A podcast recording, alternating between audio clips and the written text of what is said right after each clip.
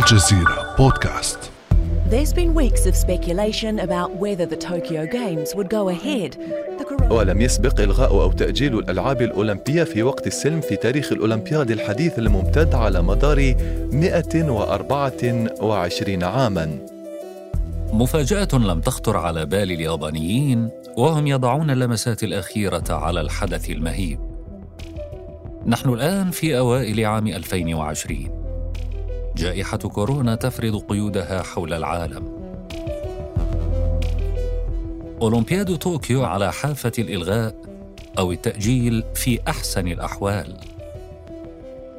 كل الوقت الذي استغرقوه لبناء الملاعب وتجديدها قد يضيع سدى وتضيع معه أرباح التذاكر والجماهير القادمة من أنحاء العالم كافة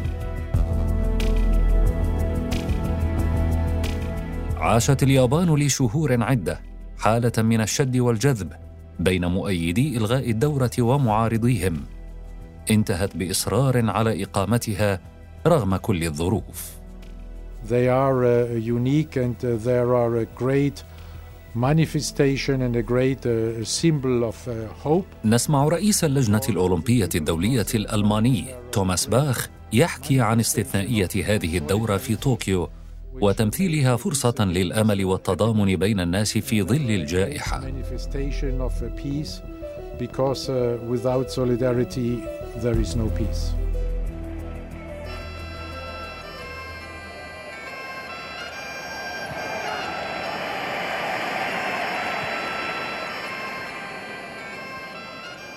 بمدرجات فارغة وعلى وقع أصوات افتراضية للجمهور كالتي تسمعونها نافس أكثر من أحد عشر ألف رياضي من 206 دول للظفر بالذهب الأولمبي.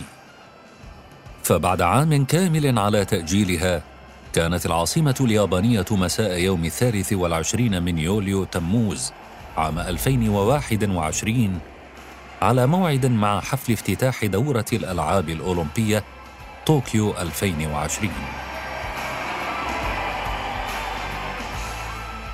أصرت اليابان على إقامة الأولمبياد رغم توقعها خسائر قدرت بمئات الملايين من الدولارات. فعادة ما تنفق الدول أموالا طائلة لاستضافة الأولمبياد وتأخذها كساحة لاستعراض مهاراتها السياسية.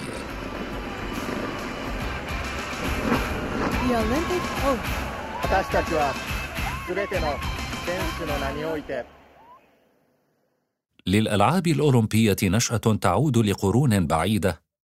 وأخرى حديثة رافقت صعود الدولة القومية الأوروبية. لنعد بالزمن إلى أصل الحكاية.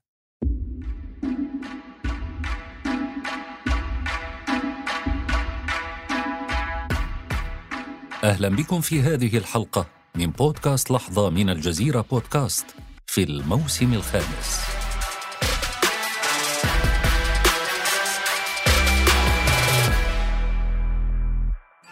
الروايات متناقضة حول بداية الألعاب الأولمبية القديمة.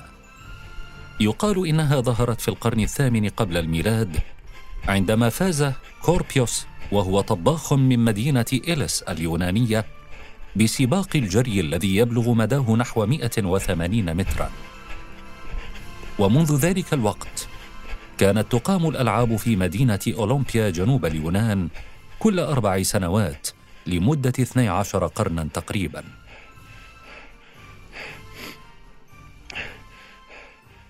بعد أن كان الركض وسيلة البشر للنجاة بحياتهم لملايين السنين أصبح أول رياضة ضمن الألعاب الأولمبية في أول دورة مؤرخة عام 776 قبل الميلاد. في احتفال ديني مهيب كانت الأولمبياد تقام داخل جبل الأولمب. موطن الآلهة الإغريقية وعرش زيوس حيث يجتمع الذكور القادمون من مدن مختلفة للتنافس. لاحقا صارت تضم خمس ألعاب الجري الوثب الطويل ورمي القرص والرمح والمصارعة. أوقفها الإمبراطور الروماني ثيودوسيوس الأول نهائياً عام 393 ميلادياً بحسب بعض الروايات ضمن مساعيه لمحاربة مظاهر الوثنية في الإمبراطورية الرومانية.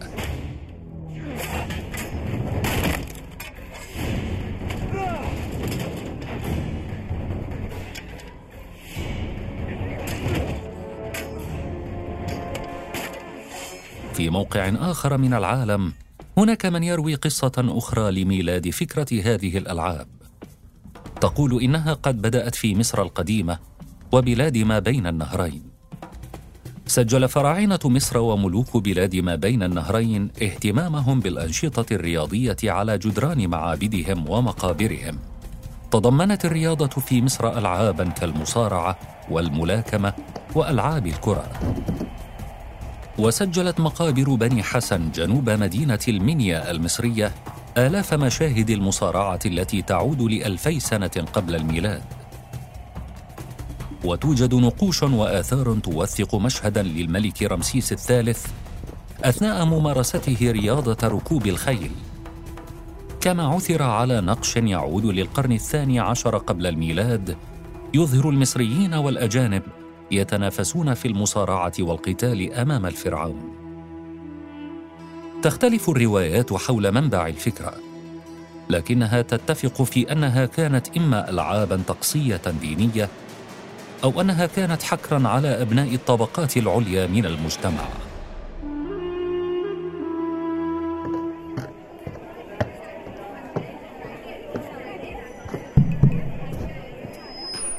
نحن الآن على بعد قرون من زمن الفراعنة واليونانيين. تحديدا في خريف 1892 في إحدى قاعات جامعة السوربون. يقف المعلم والمؤرخ الفرنسي بيير دي كوبرتان أمام أعضاء اتحاد الجمعيات الفرنسية للرياضة والرياضيين ويلقي على مسامعهم فكرة ستغير مستقبل الرياضة. أتى ذلك في وقت كانت فيه أوروبا منخرطة في حروب ضخمة والتي أدت إلى الحرب العالمية الأولى ثم الحرب العالمية الثانية. تحكي لنا سوزان براونيل أستاذة علم الأنثروبولوجيا في جامعة ميزوري سانت لويس الأمريكية. كيف تمحورت فكرة الفرنسي حول إقامة منافسة رياضية تعزز القومية وتكون جزءا من حركة السلام العالمي؟ هذا ما كان يحدث فعليا خلال الألعاب الأولمبية اليونانية قديما التي كانت وسيلة للصلح بين المدن اليونانية المتحاربة في كثير من الأحيان. Uh,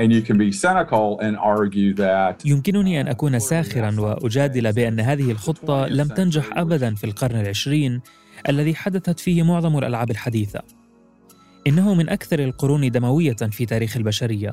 فقد شهد حربين عالميتين والكثير من النزاعات الأخرى. يملك مارك دايرسون أستاذ علم حركية الإنسان والتاريخ في جامعة بنسلفانيا رأيا مخالفا في خدمة الأولمبياد لحركة السلام العالمية. لم تكن الألعاب الأولمبية قادرة على إيقاف الحروب في المجتمعات البشرية. وهذا ما يجعلني أقول إن هذه وجهة نظر ساخرة.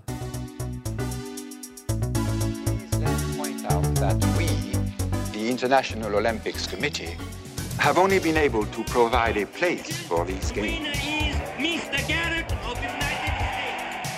بعد غياب لأكثر من 1500 عام وتحديدا عام 1896 أي بعد أربع سنوات من خطاب كوبرتان الشهير جرت أول ألعاب أولمبية حديثة في العاصمة اليونانية أثينا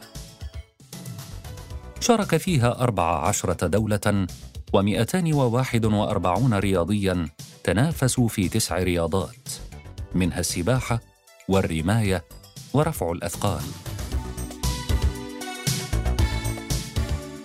قاد كوبرتان اللجنة الأولمبية الدولية منذ تأسيسها عام 1894 عمد فكرة تنقل الأولمبياد بين المدن متاثرا بالمعارض الدولية التي ملأت العواصم والمدن الغربية أوائل القرن التاسع عشر بهدف تنافس الدول في مجال الصناعة والتعليم والتكنولوجيا. ألهمت تلك المعارض الفرنسية لإقامة معرض دولي مماثل ولكن لتتباهى الدول فيما بينها رياضيا. كان بإمكان كوبرتون أن يصمم الألعاب الأولمبية كفعالية يتنافس فيها اللاعبون بغض النظر عن دولهم لكنه لم يفعل ذلك. لقد كان يعمل على غرس مفهومي الوطنية والقومية. لم تكن سنوات قيادة كوبرتان للجنة الأولمبية الدولية سهلة. وخصوصا مع التقلبات التي مرت بها القوانين ومراسم الأولمبياد بين دورة وأخرى. كما لم تكن الجماهير تلقي بالا للألعاب الأولمبية بعد وهو ما اضطره لإقامة دورتي الألعاب الأولمبية باريس 1900 وسان لويس 1904 كجزء من المعارض الدولية للصناعة والتكنولوجيا لذلك كان أولمبياد باريس 1924 بمثابة الانطلاقة الفعلية للألعاب الأولمبية الحديثة. شارك في تلك الدورة أكثر من ثلاثة آلاف رياضي بينهم أكثر من مئة امرأة وشهدت الأولمبياد إقامة أول ألعاب أولمبية شتوية بعد إلغائها في دورتي 1911 و 1916 بسبب الحرب العالمية الأولى. في الدورة ذاتها استعمل الشعار الأولمبي لأول مرة: أسرع، أعلى، أقوى. شعار اقترحه الكاهن الدومينيكي هنري ديدون الذي كان يدرس الرياضة في باريس على كوبرتان بينما كان الأخير صاحب تصميم العلم الأولمبي المكون من خمس حلقات متشابكة مختلفة الألوان تمثل القارات الخمس التي تجمعها الألعاب الأولمبية وترمز إلى الروح العالمية لهذه الألعاب.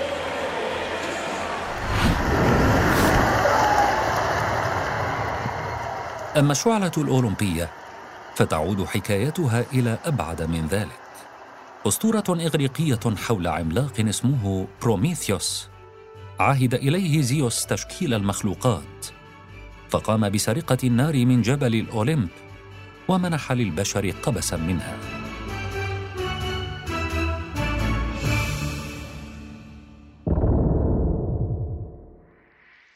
وفي الملعب الأولمبي بأمستردام عام 1928 أشعل موظف كهرباء هولندي أول شعلة أولمبية في العصر الحديث. وحتى الآن توقد الشعلة من داخل معبد هيرا جنوب اليونان وتتنقل بين المدن لتصل في النهاية إلى البلد المستضيف.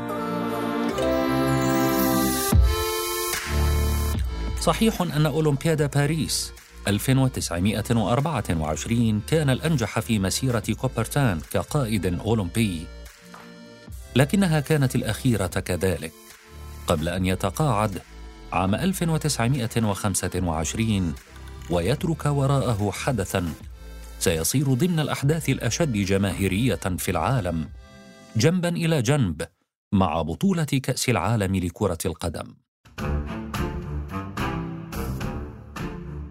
صحيح أن الألعاب الأولمبية نجحت في لم شمل الدول المتحاربة في ميدان واحد، لكنها فشلت في أن يكون هذا الميدان سلمياً. فسرعان ما تحولت الأولمبياد لحلبة مبارزة سياسية. Ich verkünde die Spiele von Berlin zur Feier der 11. Olympiade neuer Zeitrechnung ربما عرفتم صاحب هذا الصوت. نعم، إنه أدولف هتلر. يلقي خطابا أثناء حفل افتتاح أولمبياد 1936 التي استضافتها ألمانيا. دعت حينها بعض الجماعات الدينية وتحديدا في الولايات المتحدة الأمريكية الرياضيين لمقاطعة الألعاب. وهو ما لم يحدث على الإطلاق. بعدها بأربعة أعوام كان اليابانيون يجهزون لاستقبال أولمبياد 1940 كأول دولة غير غربية تستضيف الألعاب. لكن وبعد حربها مع الصين أعطت اللجنة الأولمبية شرف استضافة الدورة للعاصمة الفنلندية هلسنكي. ومع غزو هتلر لبولندا عام 1939 ألغيت دورة 1940 وكذا كانت الحال مع أولمبياد 1944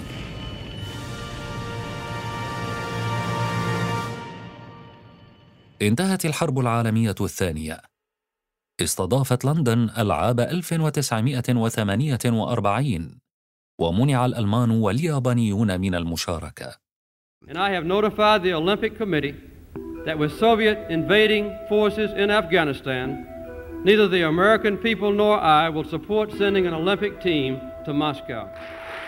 في دورة موسكو 1980 امتنعت الولايات المتحدة عن المشاركة بحجة الغزو السوفيتي لأفغانستان. خرج حينها الرئيس الأمريكي جيمي كارتر يدعو حلفاء أمريكا للانسحاب كذلك. كان ذلك خلال الحرب الباردة في الفترة التي صارت الألعاب الأولمبية بوصف الكاتب البريطاني الشهير جورج أورويل حربا دون إطلاق نار. غذت الحرب الباردة الألعاب الأولمبية وجعلتها فعالية عالمية مهمة جدا أكثر من ذي قبل. اكتسبت الألعاب الأولمبية خلال الحرب الباردة أهمية سياسية أكثر مما كان لديها من قبل. صحيح أن الألعاب الأولمبية في لوس أنجلوس عام 1932 وفي برلين 1936 كانت مسرحا للعداء والصراع السياسي بين الدول لكن الأمر أخذ بعدا آخر بعد الحرب العالمية الثانية. خلال الحرب الباردة تفاقم هذا الجانب في الألعاب الأولمبية وأصبحت ساحة بديلة للدول والتحالفات مثل التحالف السوفيتي وتحالف الغرب بقيادة الولايات المتحدة حيث تستعرض نفوذها وتحارب بعضها دون إطلاق الرصاص وتتنافس على المكانة والصيت مستعرضة قواها. وفي لحظة ما من الحرب الباردة تعدت الأولمبياد كونها ساحة منافسة سياسية And I would also like to argue that they contributed to the end of the Cold War because أعتقد أنها ساهمت أيضا في إنهاء الحرب الباردة لأنه في عام 1984 عندما قاطع الاتحاد السوفيتي الألعاب الأولمبية التي أقيمت في لوس أنجلوس قامت كل من الصين ورومانيا بتحدي وخرق المقاطعة السوفيتية وحضرتا الألعاب. لذلك في عام 1984 بدأ الغرب بالاعتقاد أن الكتلة الشرقية الاشتراكية كانت تنهار شيئا فشيئا. وأنها لم تعد موحدة.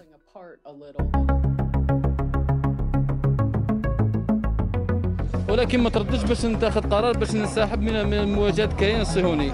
واحد متخذ مسؤولية اتخذنا القرار أنا والمدرب تاعي وهذا قرار افتخر به.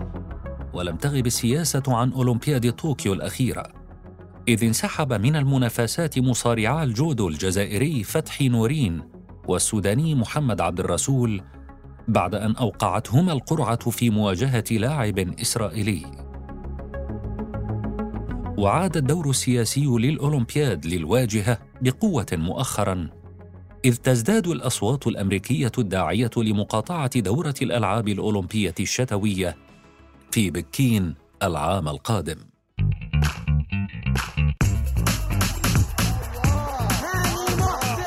آه كان خمس سنين صعبين جدا. صممت الحمد لله رجعت المنتخب في اواخر 2017 ما أدري شو أقول لك صراحة. اليوم نفس ما شفت. دخلت أنا يوم دخلت الملعب شفت الجمهور حسيت قلت اليوم يعني نموت في الملعب. طبعا سعيدة جدا الحمد لله. يعني حلم حياتي من 21 سنة من أول لما بدأت الكاراتيه نبقى بطله أولمبية أو ان الكاراتيه يبقى ليه اولمبيه يلا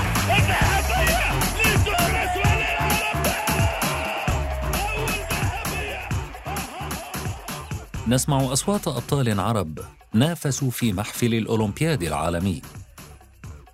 لم تكن رحلتهم لمنصات التتويج بالهينة. ولكن متى وكيف بدأت؟ لنرجع بالزمن إلى عشرينيات القرن الماضي. يمكن ناخذ حاجة في حين كان العالم مشغولا بحربه الأولى كان أحد أطفال قرية شوبر المجاورة لمدينة طنطا المصرية ماخوذا بألعاب معلمه المستقبلي البطل عبد الحليم المصري أحد أهم من وضعوا أساسات لعبة رفع الأثقال في مصر.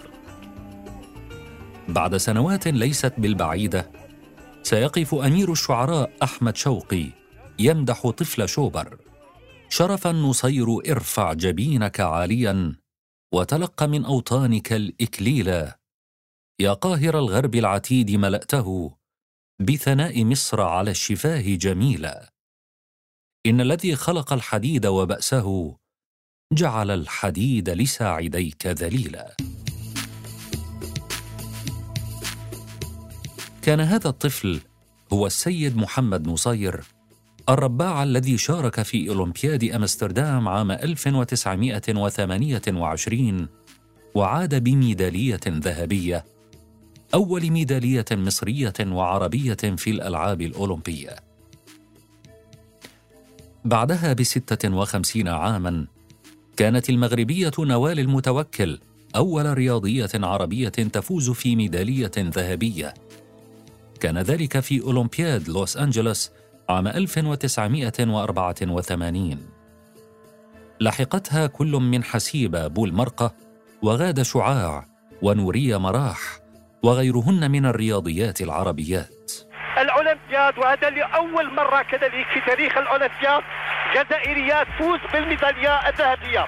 والوقت الوقت 3 دقائق 55 ثانية و31 قريب جدا من الرقم القياسي العالمي. على كل رقم قياسي رائع من حاسب أبو المرقى. تتويج ثاني على أعلى مستوى أول ميداليه ذهبيه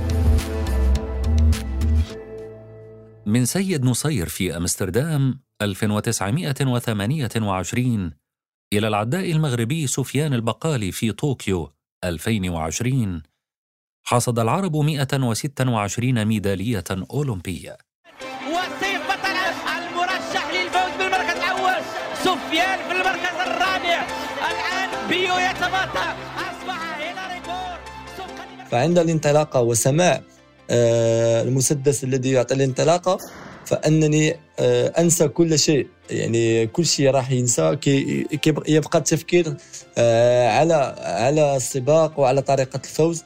نسمع صوت سفيان البقالي يحدثنا من مدينة زاغورا المغربية. حيث يقضي فترة راحة ما بعد الأولمبياد.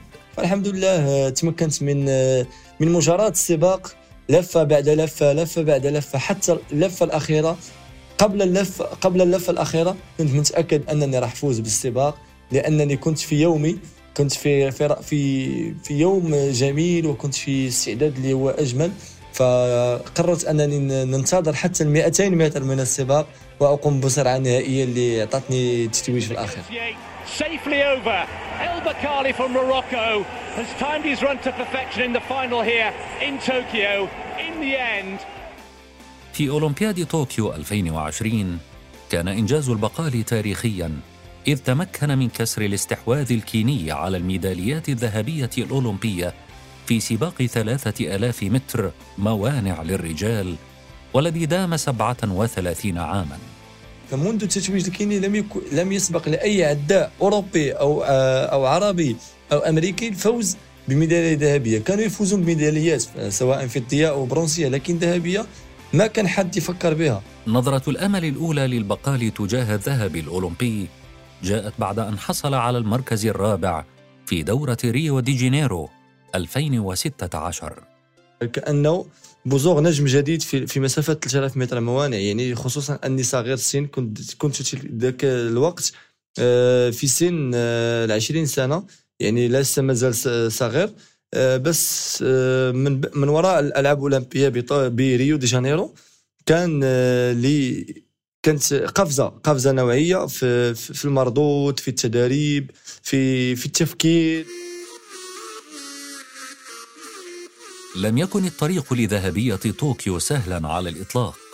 كان على البقال الانخراط في عمل دؤوب وشاق خلال فترة التدريب التي قضاها في مدينة إفران المغربية وعلى ارتفاع يقدر ب 1600 متر عن سطح البحر. يعني كانت التدريب على شكل يومي كل يوم يعني حصة صباحية وكذلك حصة مسائية. ناهيك عن أيام أيام السباقات يعني تكون تكون في في تدريب قاسية جدا جدا. نحن محرومون من أشياء يفعلونها ناس عاديين فنحن لنا نظام غذائي جيد يعني ما ما يجب علينا أن نأكل كل شيء. ما لازم علينا أن نذهب إلى أي مكان يذهب له الاخرين يعني ما لازم عليك تذهب إلى أماكن أنت تحرم نفسك منها عشان عشان هالرياضة هذه. حتى مع خفوت صوت صافرة النهاية واقتناص الميدالية الذهبية فالضغوطات والتدريبات لا تخفت. رغم فترة الراحة فهناك تفكير للسنة المقبلة. يعني هناك حماس من الآن يعني بدون تدريب هناك حماس. يعني أفكر أنني كيف سأمر آه، الشهور والأسابيع بالتدريب آه، البسيطة حتى أصل إلى فترة التدريب آه، الجدية للملتقيات فبالفعل فهناك تفكير من الآن. يعني لازم أن الخطة اللي رحت بها على أولمبياد طوكيو راح أروح بها على أولمبياد 2024 18 ميدالية دخلت خزانة العرب خلال أولمبياد طوكيو 2020 هي الحصيلة الفضلى على مدار تاريخ مشاركات العرب الأولمبية. استمرت حكاية النجاح المصري الاعتيادية في التايكوندو والجودو والملاكمة فيما عادت حكاية المغرب مع ألعاب القوى لتروى من جديد. الكل يعرف تاريخ المغرب في ألعاب القوى يعني من آه، بداية من عبد السلام الراضي إلى الآن إلى سفيان البقالي فهناك عدة أسماء سعيد عويطانة والمتوكل زبيدوان هشام القروج. يعني كثير لأن صراحة قدموا الشيء الكثير لألعاب القوى. يعني كانت كانت بلدنا الحبيب يعني فيه كثير من الأبطال. الآن نشوف العكس. يعني ما كاينش آه ماشي غير في المغرب بل في الدول العربية كلها يعني لا نرى الكثير من الأبطال. رغم نتائج طوكيو الاستثنائية يرى البقالي أن الدول العربية تحتاج إلى أن تهتم أكثر برياضييها وإلى تغيير سياستها تجاه النشاط الرياضي. وإلا سيكون من الصعب تكرار الأداء الاستثنائي في الألعاب الأولمبية القادمة. فهناك عداء شاب يستطيع أن يصل إلى العالمية بس بالاهتمام فهذا هو الشيء اللي مو موجود عندنا إحنا في ثقافتنا للأسف. نعاني من هذا الشيء. هذا هذا هو اللي ما عندناش إحنا في الدول العربية. يعني إحنا أنك لما تفوز يفرحون معك لكن ما يشوفون آه، المراحل اللي مريت منها قبل الفوز. هناك من يرى أن الرياضات الفردية التي يتم التركيز على دعمها عربيا هي في الغالب صعبة ومتخصصة وتستنزف مصروفات هائلة ولا تحقق النتائج المرجوة. مثل الاهتمام المصري بلعبة الفروسية. Uh, ما يمكن لدول الشرق الأوسط وشمال إفريقيا أن تفعله هو اختيار رياضات تحظى بشعبية كبيرة في البلد وتطوير فرص أمام أفراد المجتمع للمشاركة بها. Um, المال ليس الجواب الوحيد بالطبع. يجب أن يعمل النظام جيدا. يجب أن يكون فعالا ويقوم بتوجيه الأموال بشكل جيد ليمكننا من رؤية نتائج واضحة. قد يكون من الأفضل استيراد مدربين دوليين عند البدء في التدريب لرياضة جديدة في حال لم يكن المدربون المحليون على مستوى عال. ثم الانخراط أيضا في تدريب المدربين للوصول إلى المرحلة التي يكون لديك فيها مدربون محليون على المستوى الأعلى. دول عديدة حول العالم طورت استراتيجيات رياضية ناجعة وضعتها في مصاف الأقوى على صعيد المنافسات الأولمبية. وهنا تبرز التجربة الصينية مع الأولمبياد. كان غياب الاتحاد السوفيتي عن أولمبياد لوس أنجلوس 1984 دافعا لأن تتخلى الصين عن لا مبالاتها تجاه هذه الألعاب. بل واقتباس نموذجي الاتحاد السوفيتي وألمانيا الشرقية التي حصدت المركز الثاني في عدد الميداليات الكلي في أولمبياد مونتريال 1976 ركزوا على رياضات معينة ظنوا أنها ستتيح لهم فرصة الفوز بميداليات عديدة. خاصة في أنواع الرياضة التي لا تهم باقي العالم أي الرياضات التي يعتبرها الأمريكيون ثانوية أو غير مهمة بالنسبة لهم مثل الرماية والبيثلون ورماية القوس ورفع الأثقال وغيرها من الرياضات التي لم تحظى باهتمام كبير في الغرب. استثمر الصينيون كثيرا من المال والجهد لبناء نموذج يحقق نتائج سريعة ومذهلة في الألعاب الأولمبية قادر على مزاحمة الولايات المتحدة. الصين أيضا جيدة بشكل خاص في رفع الأثقال للسيدات. وهذه رياضة قد تواجه صعوبة في العثور على رعاية في اقتصاد معتمد على السوق. لكن بدعم من الحكومة الصينية يجدون رياضيين لمثل هذه الألعاب والذين عادة ما يكونون من الطبقة العاملة. يطلق الصينيون على الرياضات التي تلزمها تدريبات قاسية اسم المريرة. إنهم على استعداد لتذوق المر كما يقول الصينيون وتحمل الألم الجسدي وصعوبة التمارين لأنها ستفتح لهم أبوابا لحياة أفضل. يعتبر النظام الرياضي الصيني مثيرا للاهتمام لأنه ليس مبنيا على قاعدة مشاركة ترفيهية واسعة. لقد طوروا نظاما رياضيا على مستوى الدولة يهتم باللاعبين واللاعبات في بداية حياتهم كرياضيين. إذ يختارون أطفالا يعتقدون أنهم موهوبون ويرسلونهم بعيدا عن عائلاتهم إلى مدارس مخصصة تمولها الدولة لتنشئة الرياضيين. بعد انهيار الاتحاد السوفيتي أصبحت الصين الخصم الأول للولايات المتحدة في الأولمبياد. كما في الاقتصاد والقوة العسكرية. خلال دورة بكين 2008 وصل هذا التنافس ذروته.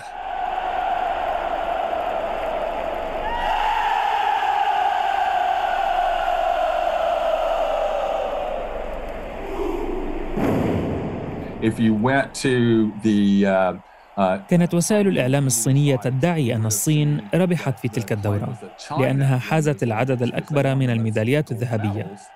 أما وسائل الإعلام الأمريكية فكانت تدعي أن الولايات المتحدة هي الفائزة في الدورة لأن عدد ميدالياتها الإجمالي أكبر.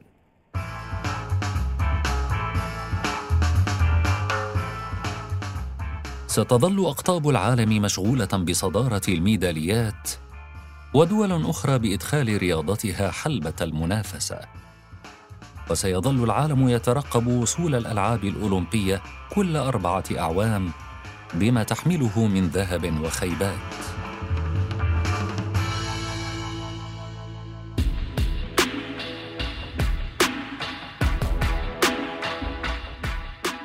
وبينما لا تظهر في الأفق نهاية قريبة للتنافس الصيني الأمريكي يبقى سؤال مشاركات العرب القادمة مطروقا. هل سنشهد تطويرا لمشاريع رياضية عربية أكثر فعالية؟ شاركونا تجاربكم وآراءكم في التعليقات عبر منصات الجزيرة بودكاست. في الحلقات المقبلة من بودكاست لحظة سنحكي لكم عن لحظات مفصلية أخرى من تاريخ منطقتنا والعالم. انتظرونا ولا تنسوا زيارة موقعنا على الإنترنت podcast.aljazeera.net ومشاركة هذه الحلقة مع أصدقائكم. إلى اللقاء.